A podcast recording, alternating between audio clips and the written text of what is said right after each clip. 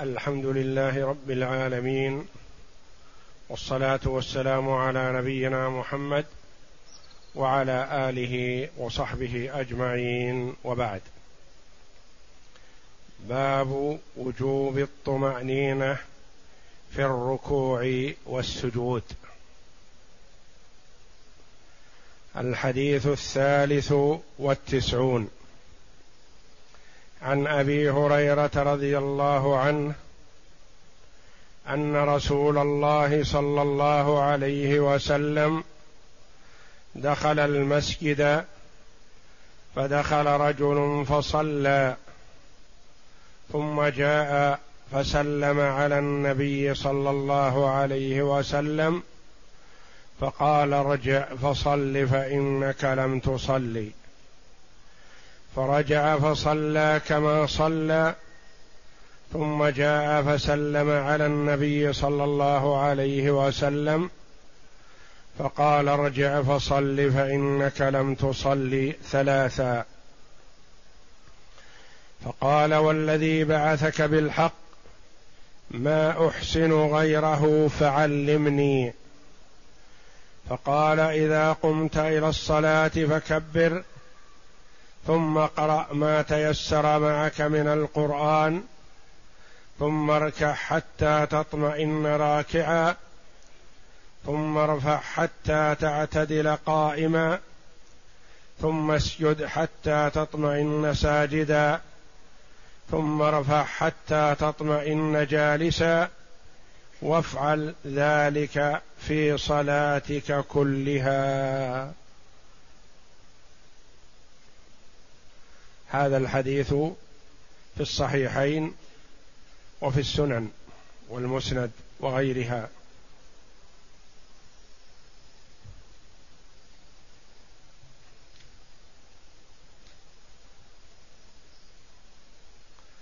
وهذا الحديث مشهور عند العلماء رحمهم الله ويسمونه حديث المسيء في صلاته.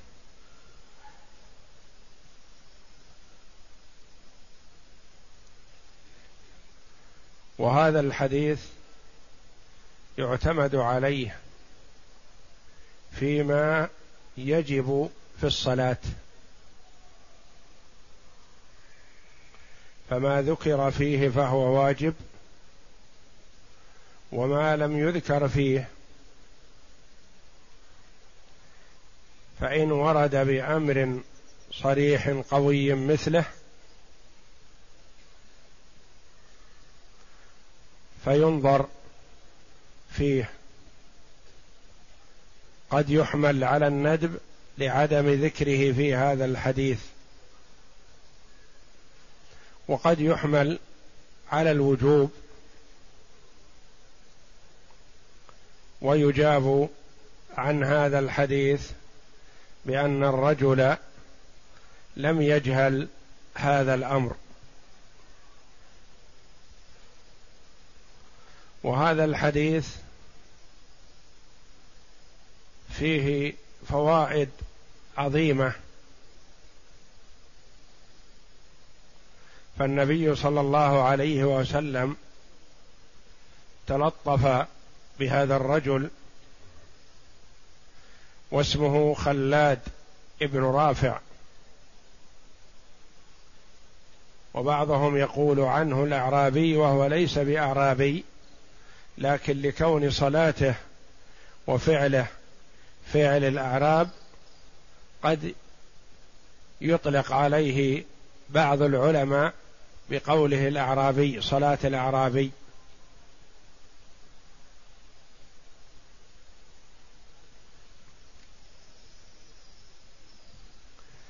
ففي هذا الحديث فوائد عظيمة.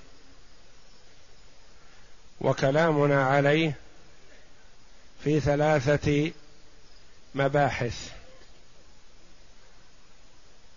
المبحث الأول في اختلاف العلماء رحمهم الله فيما دل عليه هذا الحديث. فيما دل عليه لفظا وفيما لم يرد في هذا الحديث مما اختلف العلماء في وجوبه من عدم ذلك.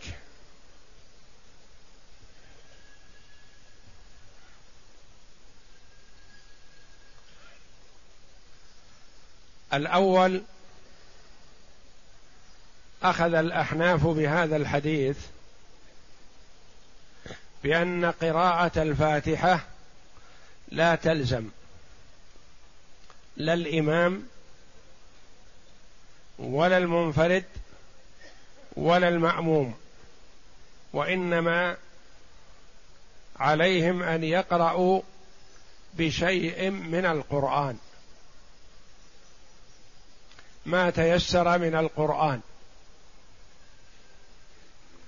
نقول لهم لم يرحمكم الله؟ قالوا لأن النبي صلى الله عليه وسلم قال في هذا الحديث فاقرأ ما تيسر معك من القرآن. اقرأ أي سورة أو أي آيات من القرآن. وهذا الحديث ورد مورد التعليم من النبي صلى الله عليه وسلم. ولا يسوغ أن يقول له اقرأ ما تيسر معك من القرآن ولا ينص على الفاتحة وهي واجبة. هذا وجه استدلالهم. نقول إن هذا الحديث اولا دليلكم هذا الحديث ورد في روايات كثيرة. وورد منها ثم اقرأ بأم القرآن وبما شاء الله. فقد نص في بعض رواياته على قراءة الفاتحة أم القرآن وبما تيسر بعدها. أو لأن النبي صلى الله عليه وسلم عرف أن هذا الرجل يعرف أهمية الفاتحة وأنه قرأ بها وإنما هو خفف هذا الرجل ولم يتقن الركوع والسجود والاعتدال منهما. أما الفاتحة فليست موضع إشكال فهو يعلم كما يعلم غيره من المسلمين بأنها ركن من أركان الصلاة وواجب من واجباته فأتى بها الرجل. يقولون هذا مفهوم ولا يكفي. نقول ورد قوله صلى الله عليه وسلم لا صلاة لمن لم يقرأ بفاتحة الكتاب فهذا نص صريح. يرد على الأحناف وعلى غيرهم بأن قراءة الفاتحة واجبة والخلاف في وجوبها على المأموم فقط. وأما الإمام والمنفرد فالجمهور على وجوبها عليهم.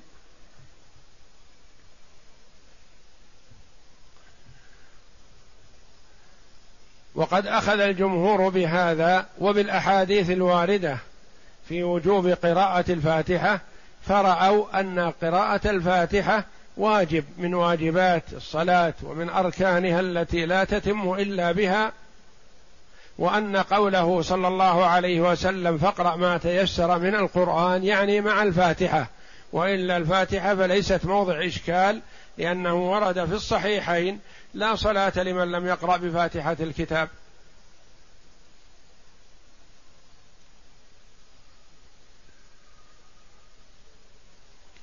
وأما قوله صلى الله عليه وسلم في هذا الحديث فاقرأ ما تيسر من القرآن يعني مع الفاتحة. وفي قوله جل وعلا فاقرأوا ما تيسر منه دليل من أدلة الأحناف على أن الله جل وعلا أمر بأن يقرأ المصلي ما تيسر من القرآن في غير هذا الحديث. فيقال هذا في قيام الليل. إن ربك يعلم أنك تقوم أدنى من ثلثي الليل ونصفه وثلثه وطائفة من الذين معك. والأمر في هذا فاقرأوا ما تيسر منه يعني من القرآن في قيام الليل. في قيام الليل تقرأ ما تيسر مع الفاتحة. أطلت أو خففت.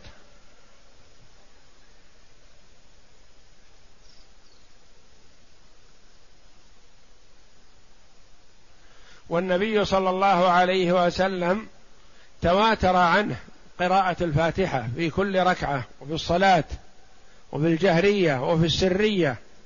ويسمعهم الآية أحيانا عليه الصلاة والسلام في السرية. وقد قال عليه الصلاة والسلام صلوا كما رأيتموني أصلي. إذا فقراءة الفاتحة ثابتة في أحاديث كثيرة وفي فعل النبي صلى الله عليه وسلم. فلا دليل في هذا للأحناف رحمهم الله. كذلك مما اختلف فيه العلماء رحمهم الله في وجوب الطمأنينة. فالجمهور على أن الطمأنينة في هذه الأركان المنصوص عليها في الحديث أنها ركن من أركان الصلاة. الأحناف رحمهم الله خالفوا في هذا قالوا لا لا تلزم الطمأنينة. والحديث الذي احتجوا به على عدم لزوم الفاتحة حجة عليهم في وجوب الطمأنينة لقوله صلى الله عليه وسلم ثم اركع حتى تطمئن راكعا ثم ارفع حتى تعتدل قائما ثم اسجد حتى تطمئن ساجدا ثم ارفع حتى تطمئن جالسا. فهذا صريح في الاطمئنان وأن الطمأنينة واجبة. وربما أن النبي صلى الله عليه وسلم ما أنكر على هذا الرجل إلا الطمأنينة لأنه رؤي أنه كان لا يطمئن في ركوعه ولا في سجوده ولا في رفعه منهما. والأحناف قالوا تستحب الطمأنينة استحبابا ولا تجب. لو صلى بدون طمأنينة صحت صلاته عندهم. والجمهور على أنها لا تصح الصلاة إلا بالطمأنينة وأن من صلى بدون طمأنينة يؤمر بإعادة الصلاة كما أمر النبي صلى الله عليه وسلم. هذا الرجل بإعادة الصلاة لعدم وجود الطمأنينة. والحديث هذا وغيره وفعل النبي صلى الله عليه وسلم حجة على الأحناف. وهي أحاديث واضحة وصريحة.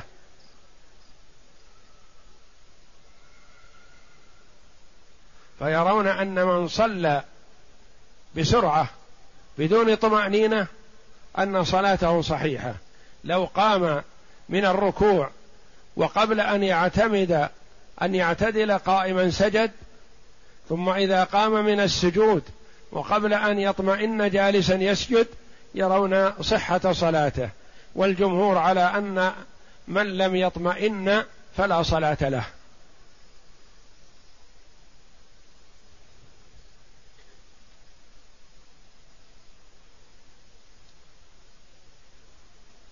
وقد تقدم لنا أن النبي صلى الله عليه وسلم كان إذا رفع رأسه من الركوع اعتدل قائما حتى يقول القائل قد نسي. يعني قد نسي أنه في حال القيام من الركوع وتوهم أنه في حال القراءة من شدة من كثرة إطالته صلى الله عليه وسلم في اعتداله بعد القيام من الركوع.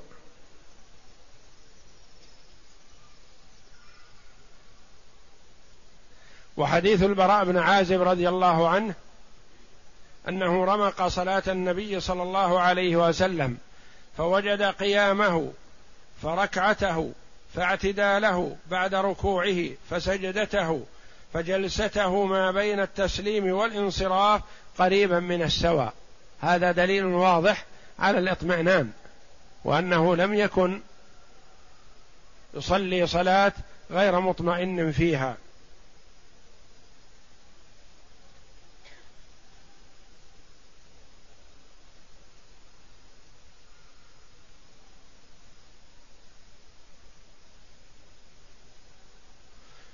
إذا فالحجة مع الجمهور وليس مع الأحناف حجة في عدم الطمأنينة لما ذهبوا إليه. لا دليل وإنما قالوا إنها أفعال مكررة وانتقال من شيء إلى شيء فلو أسرع فيه ما دام أنه قام من السجود وعاد إلى السجود مرة أخرى فيكفيه ذلك. يعني أي قيام قامه من السجود وإن لم يعتدل فيكفي. وهذا قياس مع النص واجتهاد مع النص ولا اجتهاد مع النص.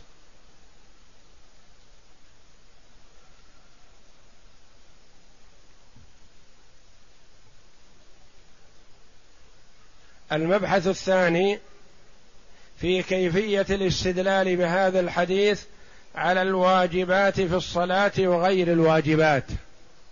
قال العلماء رحمهم الله ما ذكر في هذا الحديث فهو واجب لأن النبي صلى الله عليه وسلم علمه المسيء في صلاته. قال في سبل السلام واعلم أن هذا الحديث أن هذا حديث جليل.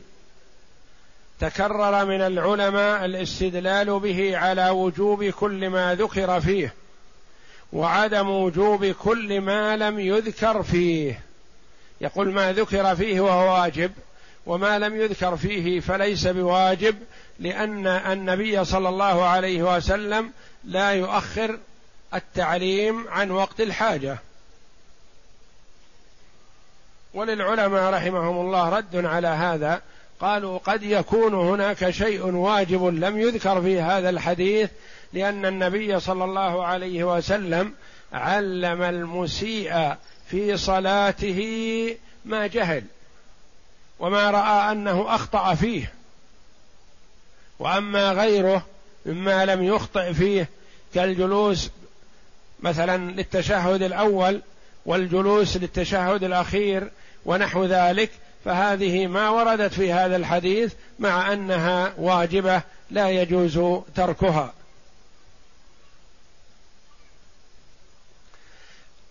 يقول رحمه الله أما الاستدلال على أن كل ما ذكر فيه واجب فلأنه ساقه. صلى الله عليه وسلم بلفظ الأمر بعد قوله لن تتم الصلاة إلا بما ذكر فيه فيقوي مرتبة الحصر أنه صلى الله عليه وسلم ذكر ما تعلقت به الإساءة من عمل هذا المصلي. يعني قال كون النبي صلى الله عليه وسلم ذكر أفعال الصلاة كلها دليل من الأدلة على أنه ما حصر التعليم فيما جهل المرء فيما جهل هذا وإنما أخبره بالصلاة كلها فما ذكر فيها فهو واجب وما لم يذكر فيها فليس بواجب.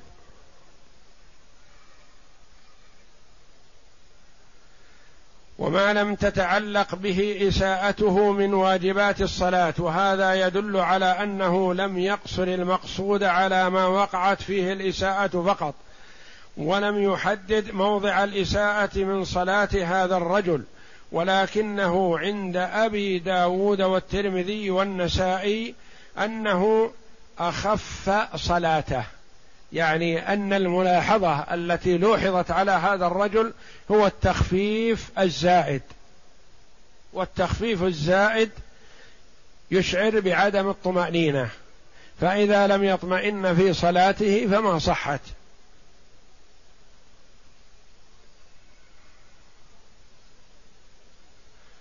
وأئمة الحديث يجعلون هذا الحديث في باب وجوب الطمأنينة فلعل الإساءة راجعة إلى أن هذا الرجل نقر الصلاة فأخف أعمالها وأقوالها.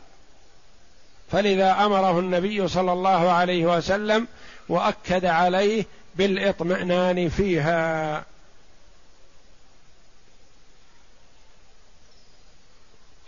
وأما الاستدلال على أن كل ما لم يذكر فيه لا يجب فلأن المقام مقام تعليم الواجبات في الصلاة.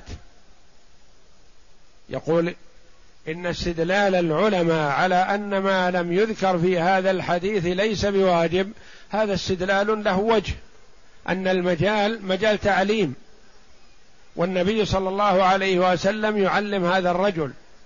فلا يحسن أن يترك بعض الشيء في الصلاة الذي يجب لا يعلمه به. وسيجاب عن هذا. فلو ترك ذكر بعض ما يجب لكان فيه تأخير البيان عن وقت الحاجة وهو لا يجوز بالإجماع. بالإجماع أنه لا يجوز تأخير البيان عن وقت الحاجة من النبي صلى الله عليه وسلم. فإذا أحصيت ألفاظ الحديث الصحيح أخذ منها بالزائد.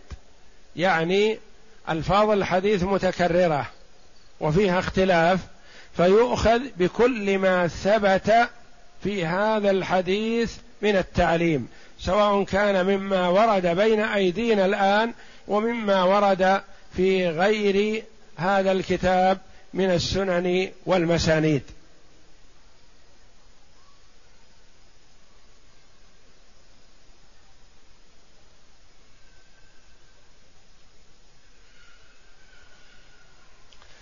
ثم إن عارض الوجوب الدالة عليه ألفاظ هذا الحديث أو عدم الوجوب دليل أقوى منه. إن عارض دليل. إن عارض الوجوب الدالة عليه ألفاظ هذا الحديث أو عدم الوجوب دليل. هذا هو خبر إن. ثم إن عارض الوجوب اسم دليل أقوى منه عمل به. يعني قد يرد في بعض الأحاديث أمر بفعل في الصلاة لم يرد في هذا الحديث كالتشهد الأخير مثلا. يقول دليل أقوى منه عمل به يعني يؤخذ بالدليل الثابت في الأمر بشيء لأن هذا لم ينفي ما سكت عنه. فإذا وجد دليل أمر به أخذ به. مثال ذلك مثلا هذا الحديث الذي معنا ما ذكر شيئا عن التشهد الأخير. وورد أحاديث تثبت التشهد الأخير. فهل يجوز لنا أن نقول إن حديث المسيء في صلاته ما ذكر التشهد الأخير فنتركه؟ لا. لأنه ورد إثباته في حديث آخر. فكل موضع اختلف الفقهاء في وجوبه في وجوبه. عندكم فيها غلط مطبعي.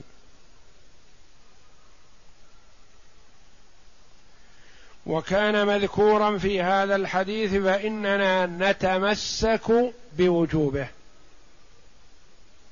وكل موضع اختلفوا في وجوبه ولم يكن مذكورا في هذا الحديث فإنا نتمسك بعدم وجوبه استنادا إلى هذا الحديث لأنه موضع تعليم. يقول ما وجب نوعان. نوع اختلف في وجوبه ونوع لم يختلف في وجوبه. الشيء الذي لم يختلف في وجوبه نأخذه وإن لم يذكر في هذا الحديث. ما اختلف في وجوبه ولم يذكر في هذا الحديث فيكون هذا الحديث مستندا لعدم الوجوب. لأنه موضع تعليم. وإن جاءت صيغة أمر بشيء لم يذكر في هذا الحديث احتمل أن يكون هذا الحديث قرينة على حمل الصيغة على الندب. نقول إذا جاء شيء زائد على ما في هذا الحديث مما اختلف فيه وأمر به وهذا الحديث لم يذكره نقول عدم ذكره في هذا الحديث يدل على أن الأمر به في الحديث الآخر دليل على الندب لا على الوجوب. واحتمل البقاء على الظاهر الذي هو الوجوب. يقول ما لم يذكر في هذا الحديث مما ذكر في غيره بأمر يحتمل أمرين. يحتمل أن الأمر للندب لكونه لم يذكر في هذا الحديث. ويحتمل أن الأمر للوجوب لأنه هو الأصل وأنه ثابت بحديث زائد على ما في هذا الحديث فيؤخذ به. فيحتاج إلى مرجح للعمل. يعني ينظر في الحديث الذي جاء بإثبات شيء لم يثبت في هذا الحديث.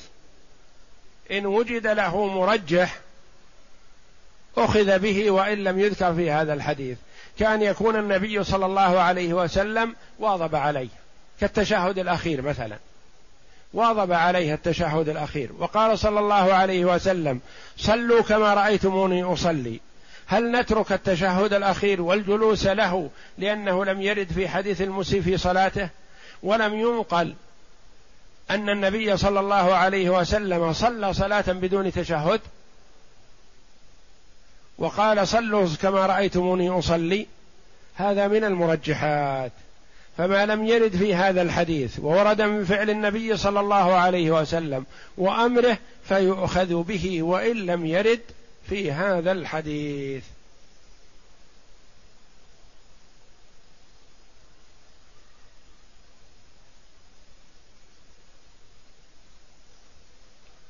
إذن تلخص معنا من المبحث الثاني في كيفية الاستدلال بهذا الحديث على الواجبات في الصلاة وغير الواجبات.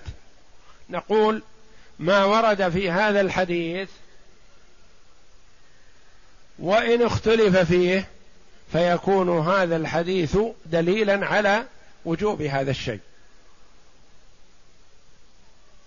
وما اختلف فيه مما لم يرد في هذا الحديث يقول نقول هذا الحديث دليل على عدم وجوبه.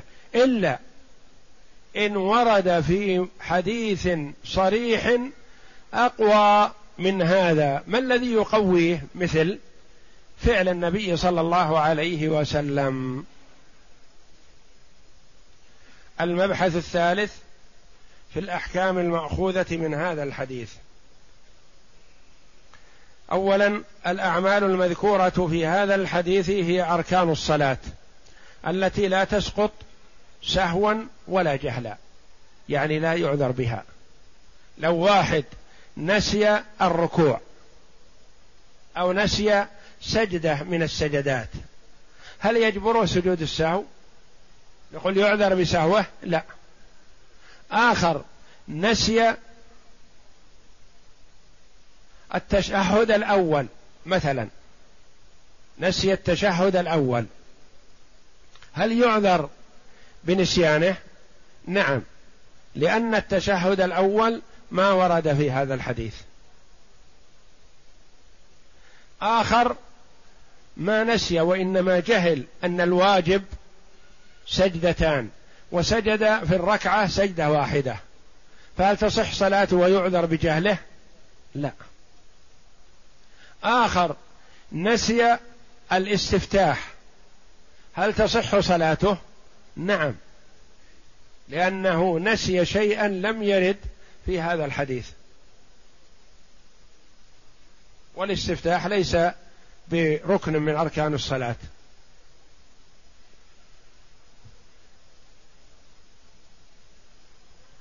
وهي يعني الأركان الواردة في هذا الحديث. تكبيرة الإحرام في الركعة الأولى فقط. تكبيرة الإحرام متى تلزم؟ عند الدخول في الصلاة. وأما عند القيام للركعة الثانية والثالثة والرابعة لا تلزم تكبيرة الإحرام وإنما هي تكبيرة انتقال.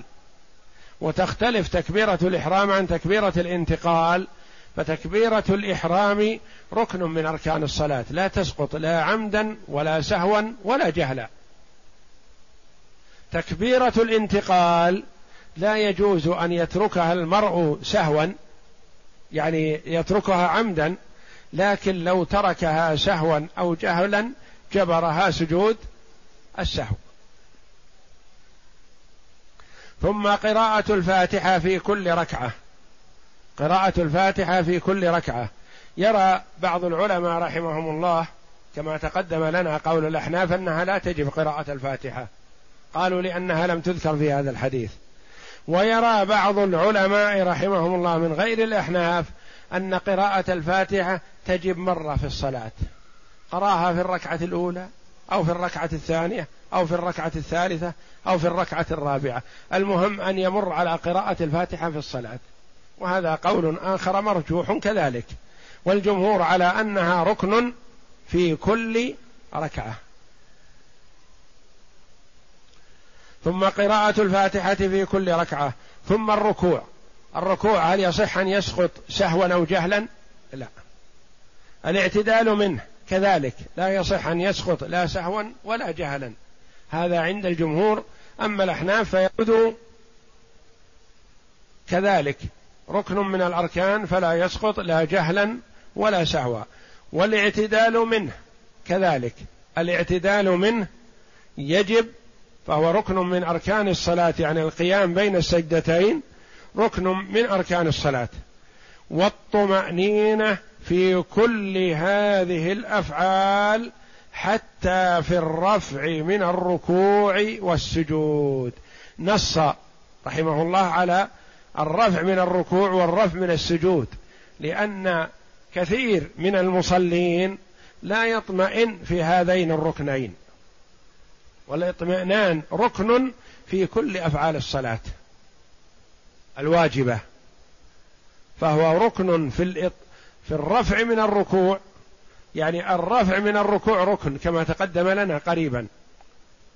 والاعتدال منه ركن آخر. الرفع من السجود ركن. والاطمئنان في الجلوس ركن. فهما ركنان. لو رفع وهوى مباشرة أتى بركن وأسقط ركنا. فما صحت صلاته؟ صلاة كثير من الإخوة هداهم الله يرفع من الركوع ويهوي بدون اطمئنان. فما تصح صلاته في هذه الصورة؟ وإن صححها الأحناف رحمهم الله لكن بدون دليل.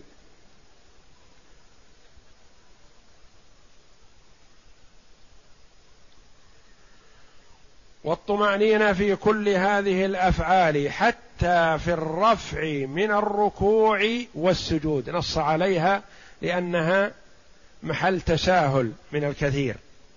خلافا لمن لم يوجبوها في هذين الركنين مع استحبابها عندهم. الأحناف يقولون مستحبة لكن لا تجب. ونحن نقول واجبة. ليست مستحبة. مستحبة إذا تركتها صحت صلاتك. والواجبة إذا تركتها ما صحت صلاتك. يقول وبقي شيء من الأركان كالتشهد والصلاة على النبي صلى الله عليه وسلم والتسليم.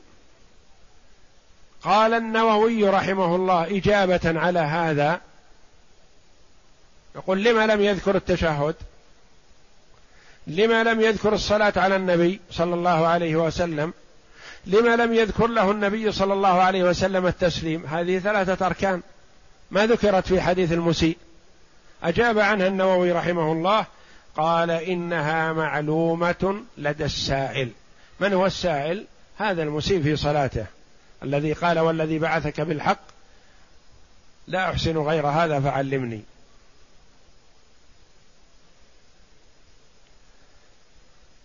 ثانيا أن يفعل ذلك في كل ركعة ما عدا تكبيرة الإحرام ففي الأولى دون غيرها.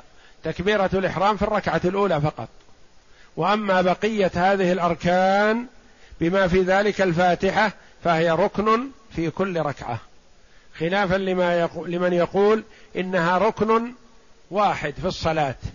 أتى بها في أي ركعة من الركعات كفى ولا يلزم أن يأتي بها في جميع الركعات. وهذا خلاف الصحيح. دل هذا الحديث على عدم وجوب ما لم يذكر فيه من أعمال الصلاة. يعني هذا مما يستدل به في هذا الحديث. لكن لا نقول نحكم بأن كل ما لم يذكر غير واجب. ننظر للاحاديث الأخرى النبي صلى الله عليه وسلم ورد عنه أحاديث كثيرة في الصلاة وصلى عليه الصلاة والسلام وقال خذوا عني وقال عليه الصلاة والسلام صلوا كما رأيتموني أصلي.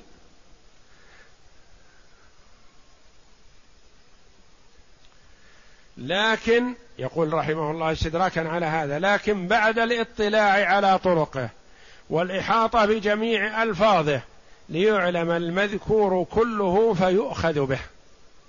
وقد قال ابن حجر رحمه الله في فتح الباري قد اطلعت على جميعه وأخذت وأحصى ما يستفاد من هذا الحديث بطرقه إلى فوائد عظيمة كثيرة. رحمه الله. أربعة وفيه دليل على وجوب الترتيب بين هذه الأعمال لأنه ورد بلفظ ثم ولأنه مقام تعليم جاهل بالأحكام. هذا الحديث دل على الترتيب. لو أن المرء قرأ ثم سجد ثم قام وركع صحت صلاته؟ لا. لأن النبي صلى الله عليه وسلم رتب هذه الأفعال بقوله ثم وثم تدل على الترتيب. القصد بالترتيب مثل ما تقول جاء زيد ثم جاء عمرو. ماذا تفهم من هذا الكلام؟ أن عمرو جاء بعد زيد. لكن مباشرة أو غير مباشرة الله أعلم. المهم أنه جاء بعده ولا يقول قائل أنه جاء قبله أو معه. وإذا قيل جاء زيد وعمر الواو تدل على العطف فقط بدون ترتيب. يجوز أن عمرو الأخير في اللفظ هو الذي جاء اولا بالفعل. فالواو لا تدل على الترتيب.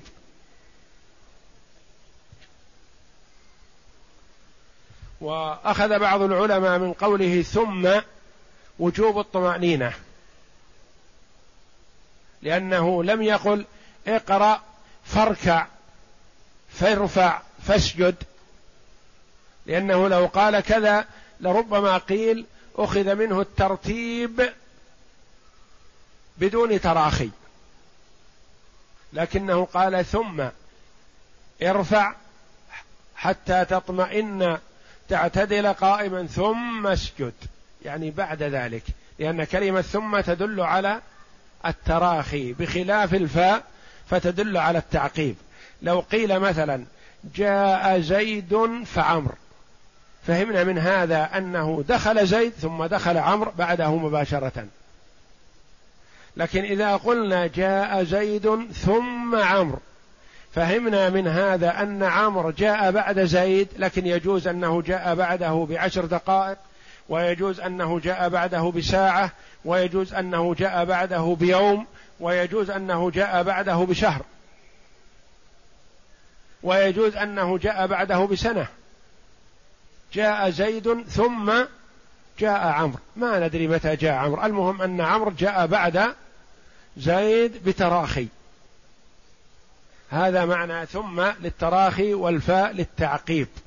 الفاء تدل على الترتيب والتعقيب وثم تدل على الترتيب والتراخي. ففي قوله ثم أخذ منها وجوب الاطمئنان. لأن فيه تراخي. لا ترفع وتسجد مباشرة وإنما ارفع حتى تعتدل قائما ثم ثم اسجد.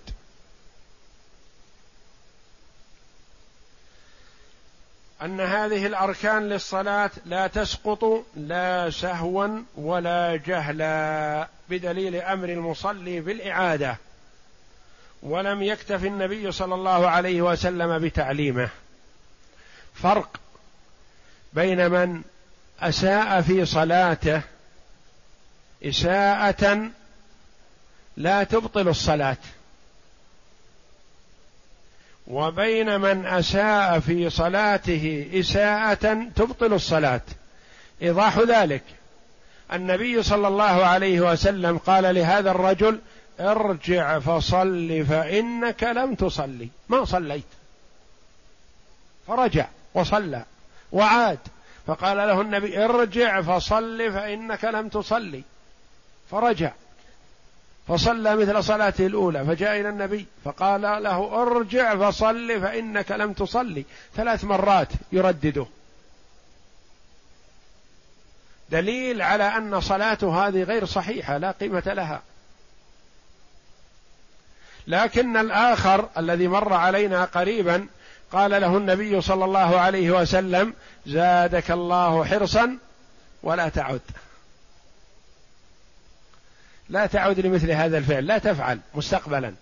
وفعلك هذا دليل على الحرص والرغبة في إدراك الركعة. زادك الله حرصا. أعطاه النبي صلى الله عليه وسلم دعوة جيدة. لكن قال له لا تعد. ولم يقل له أعد صلاتك. بخلاف الفذ الذي صلى خلف الصف وقف النبي صلى الله عليه وسلم حتى انصرف من صلاته وقال استقبل صلاتك. ما صليت لأنك صليت فذ فقال له استقبل صلاتك. ابدأ من جديد.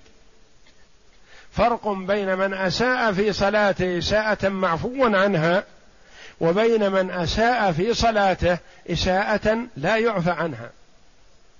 أنت رأيت شخصا مثلا لا يطمئن في صلاته ولا يصلي ولا يركض في صلاته. ما تقول له يا أخي اطمئن في صلاتك إذا صليت مستقبلا.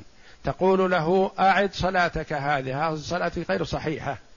إن كنت تريد الحق والسنة فصلاتك هذه باطلة لا قيمة لها. أعد الصلاة من جديد. لكن رأيته أخل بشيء ليس بواجب.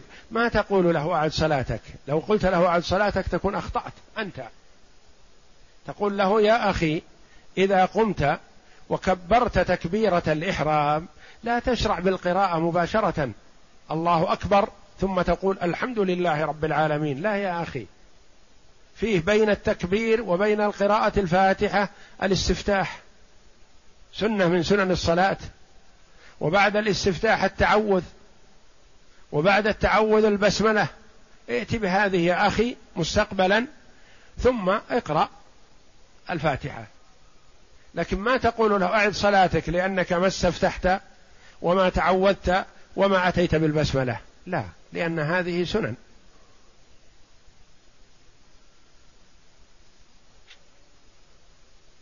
أربعة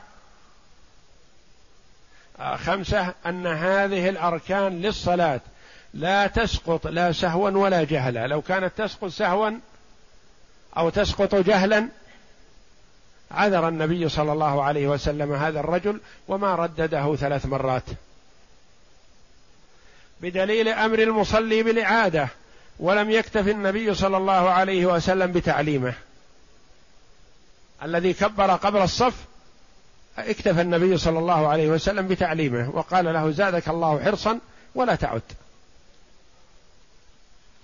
يدل هذا الحديث على عدم صحة صلاة المسيء فلولا ذلك لم يؤمر بإعادتها.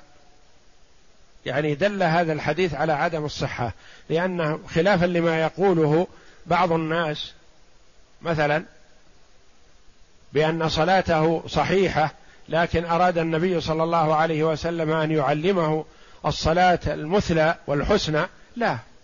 نقول ما يمكن أن يردده النبي صلى الله عليه وسلم يصلي ثلاث مرات وهي صحيحة. يكتفي بواحدة.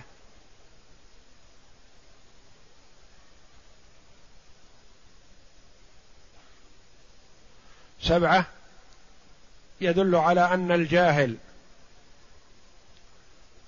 على أن الجاهل تجزئ منه الصلاة الناقصة أما العالم فلا.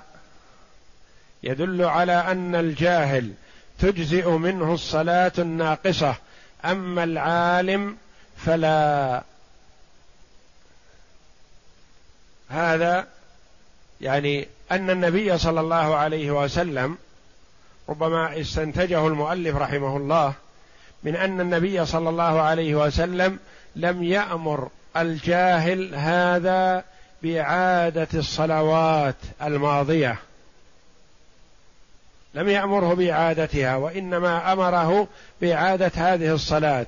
وأما ما عداها مما مضى قبل العلم فليس فهو معذور.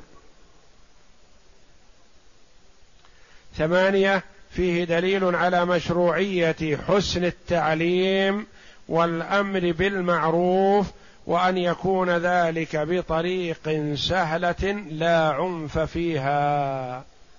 النبي صلى الله عليه وسلم رد عليه السلام لما سلم كما في الروايات الأخر.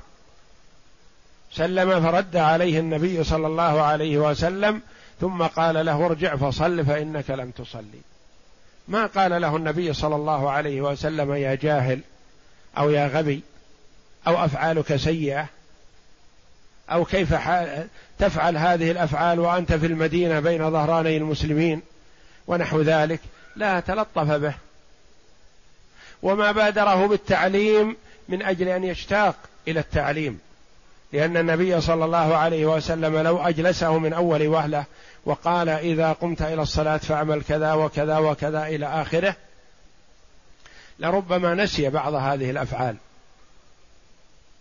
لكن أمره النبي أن يكرر الصلاة ثلاث مرات حتى ينتبه ويتشوق للعلم ويرغب فيه ويدرك ما قصر فيه. وأن يكون بطريق سهلة لا عنف فيها وأن الأحسن للمعلم أن يستعمل طريق التشويق في العلم. ليكون أبلغ في التعليم وأبقى في الذهن. هذه سنة الرسول صلى الله عليه وسلم وطريقته في كثير من تعاليمه عليه الصلاة والسلام.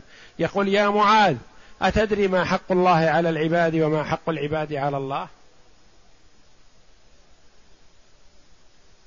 ويقول فيما يختصم الملأ الأعلى يسأل الصحابة ويأتي بالأحكام التي يريد إلقاءها على طريق السؤال حتى يشتاق الإنسان للجواب. يعرف أن إذا سمع السؤال عجز عن إجابته فتشوق للجواب بخلاف ما إذا ألقي عليه الحكم من أول وهلة قد ينساه أو لا يحيط به. لكن إذا جاء على سبيل السؤال أو الترديد أو مثلا شخص يقرأ عليك القرآن فأخطأ في آية ما يحسن أن ترد عليه من أول وهلة. قل له أعد أعد الآية. يعيد. ربما يكون ناسي أو ساهي فيصحح فحسن. وربما يعيد نفس القراءة الأولى فتقول له أعد ثانية. فيعيد على نفس القراءة الأولى فترد عليه فتثبت يثبت الرد عنده بإذن الله. بخلاف ما إذا غلط في الآية ورددت عليه فربما قرأها مرة أخرى وغلط لأن القراءة الأولى ثابتة عنده مثلا. وأنت رددت عليه ونسي ما رديت. لكن إذا كررت عليه كنت في غير الصلاة مثلا وقلت له أعد. أعاد. فقلت له أعد فأعاد. فإن صحح خطأه فحسن وإن لم يصححه ترد عليه ردا يثبت عنده بإذن الله.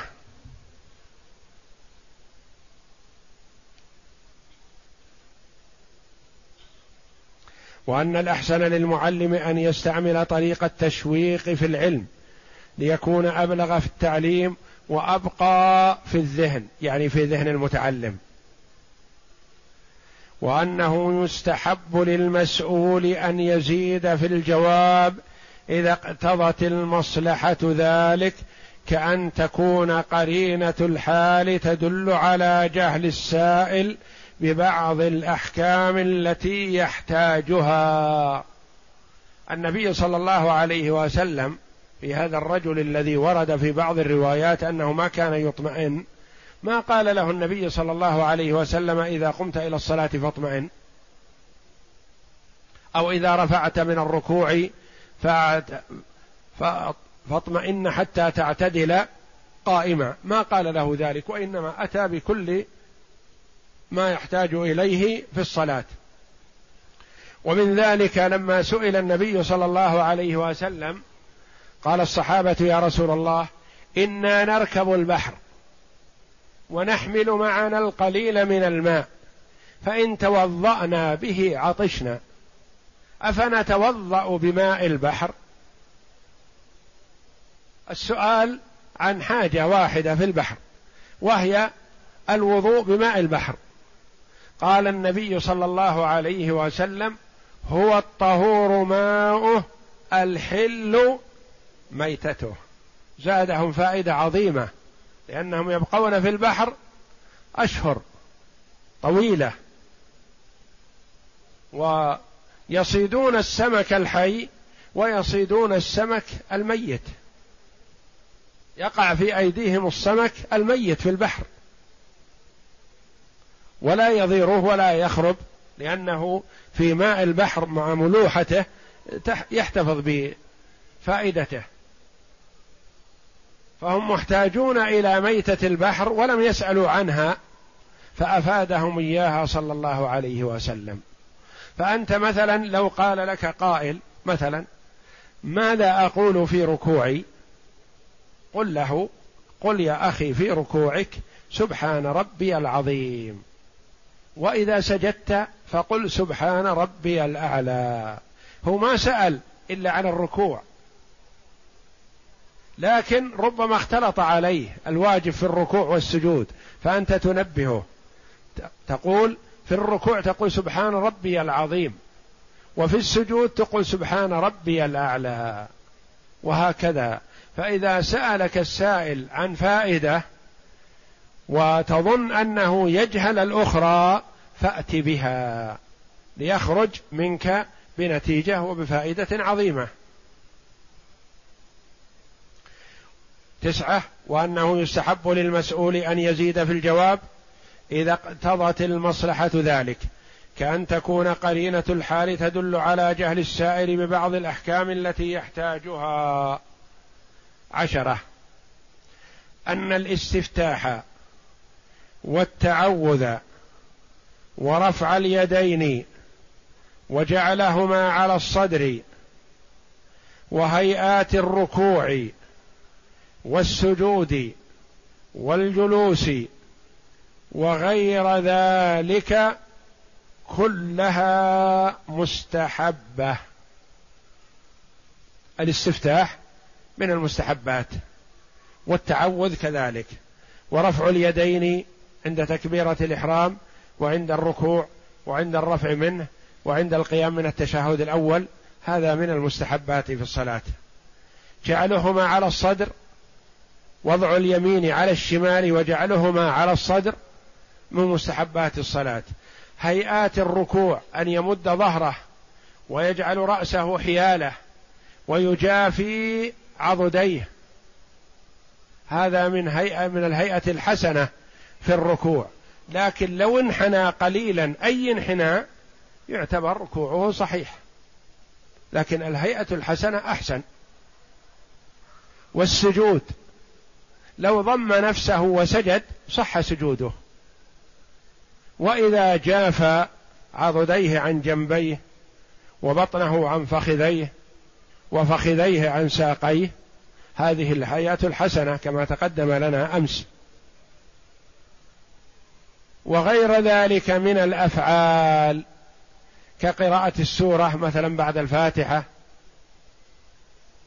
وكتكرار الواجب بالتسبيح والتحميد وقول سبحان ربي الأعلى في السجود تكرر الواجب مرة وما زاد فهو مستحب وهكذا كلها من الأفعال المستحبة في الصلاة. قال وفي الحادي عشر وفيه أن المعلم يبدأ في تعليمه بالأهم فالأهم. وتقدم وتقدم الفروض على المستحبات. منين أخذنا هذا؟ لأن النبي صلى الله عليه وسلم رأى أن هذا الرجل جاهل يجهل الصلاة. فهل يعلمه جميع أركانها وواجباتها ومستحباتها وسننها دفعة واحدة ينسى. ربما حفظ المستحب ونسي الركن لكنه أعطاه المهم. أعطاه الأكيد. إذا رأيت شخصا أخل بأمور كثيرة مثلا ومن ضمنها الصلاة صلاة الجماعة. تبدأ بالأشياء الأخرى وتترك الصلاة بعدين؟ لا. الصلاة أهم ركن من أركان الإسلام بعد الشهادتين. تبدأ بها. تقول صل. صلاة صحيحة. فإذا صلى الصلاة الصحيحة تنتقل معه إلى الأمور الأخرى. لا تعطيه المستحبات وتترك ما يجهل من الواجبات والأركان. الثاني عشر. قال الصنعاني رحمه الله واعلم أن حديث المسيء في صلاته قد اتسع فيه نطاق الكلام. من العلماء رحمهم الله وتجاذبت في معانيه الأفهام. وقد كنا حققنا أنه لا يتم حمل النفي فيه على نفي الكمال. لما تقرر في علم النحو وعلم الأصول أن كلمات النفي الموضوعه لنفي الحقيقة فقولك لا رجل في الدار نفي الحقيقة الحق نفي نفى الح... نفي لحقيقة الرجل فيها وهذا مما لا نزاع فيه وأنه لا يحمل على خلافه من الكمال وغيره إلا لدليل. هذه الجملة مهمة. الإمام الصنعاني رحمه الله في تعليقه على شرح ابن دقيق العيد في أحكام الأحكام علق عليه بكتاب أسماه العدة على العمدة. تعليق على شرح أحكام الأحكام لابن دقيق العيد. رحمهم الله. قال إن بعض العلماء قال في هذا الحديث ارجع فصل فإنك لم تصلي. قال هذا نفي لكمال الصلاة. ويقول هذا في غير محله وغير صحيح. لأن نفي الشيء كما عرفنا من لغة العرب وعرفنا من علم الأصول أن نفي الشيء نفي له. فإذا قلت مثلا لا رجل في الدار هل يصح أن يأتي آخر ويقول إنه يقصد لا رجل عالم وإلا فيه؟ خمسة رجال مثلا؟ لا. يقول لا رجل في الدار. ما في الدار إلا نساء. لا رجل في الدار مثلا. هل يتطرق إلى الذهن أن فيه رجل لكن يقصد ليس فيه رجل عالم؟ أو ليس فيه رجل كبير؟ أو ليس فيه رجل شاب؟ أو نحو ذلك لا. إذا قال لا رجل في الدار فهمنا أنه لا رجل في الدار. فيقول إنه ورد في لغة العرب وفي علم الأصول أن النفي نفي لحقيقة الشيء فلا يتطرق إليه التأويل إلا مع قرائن. إذا وجد قرائن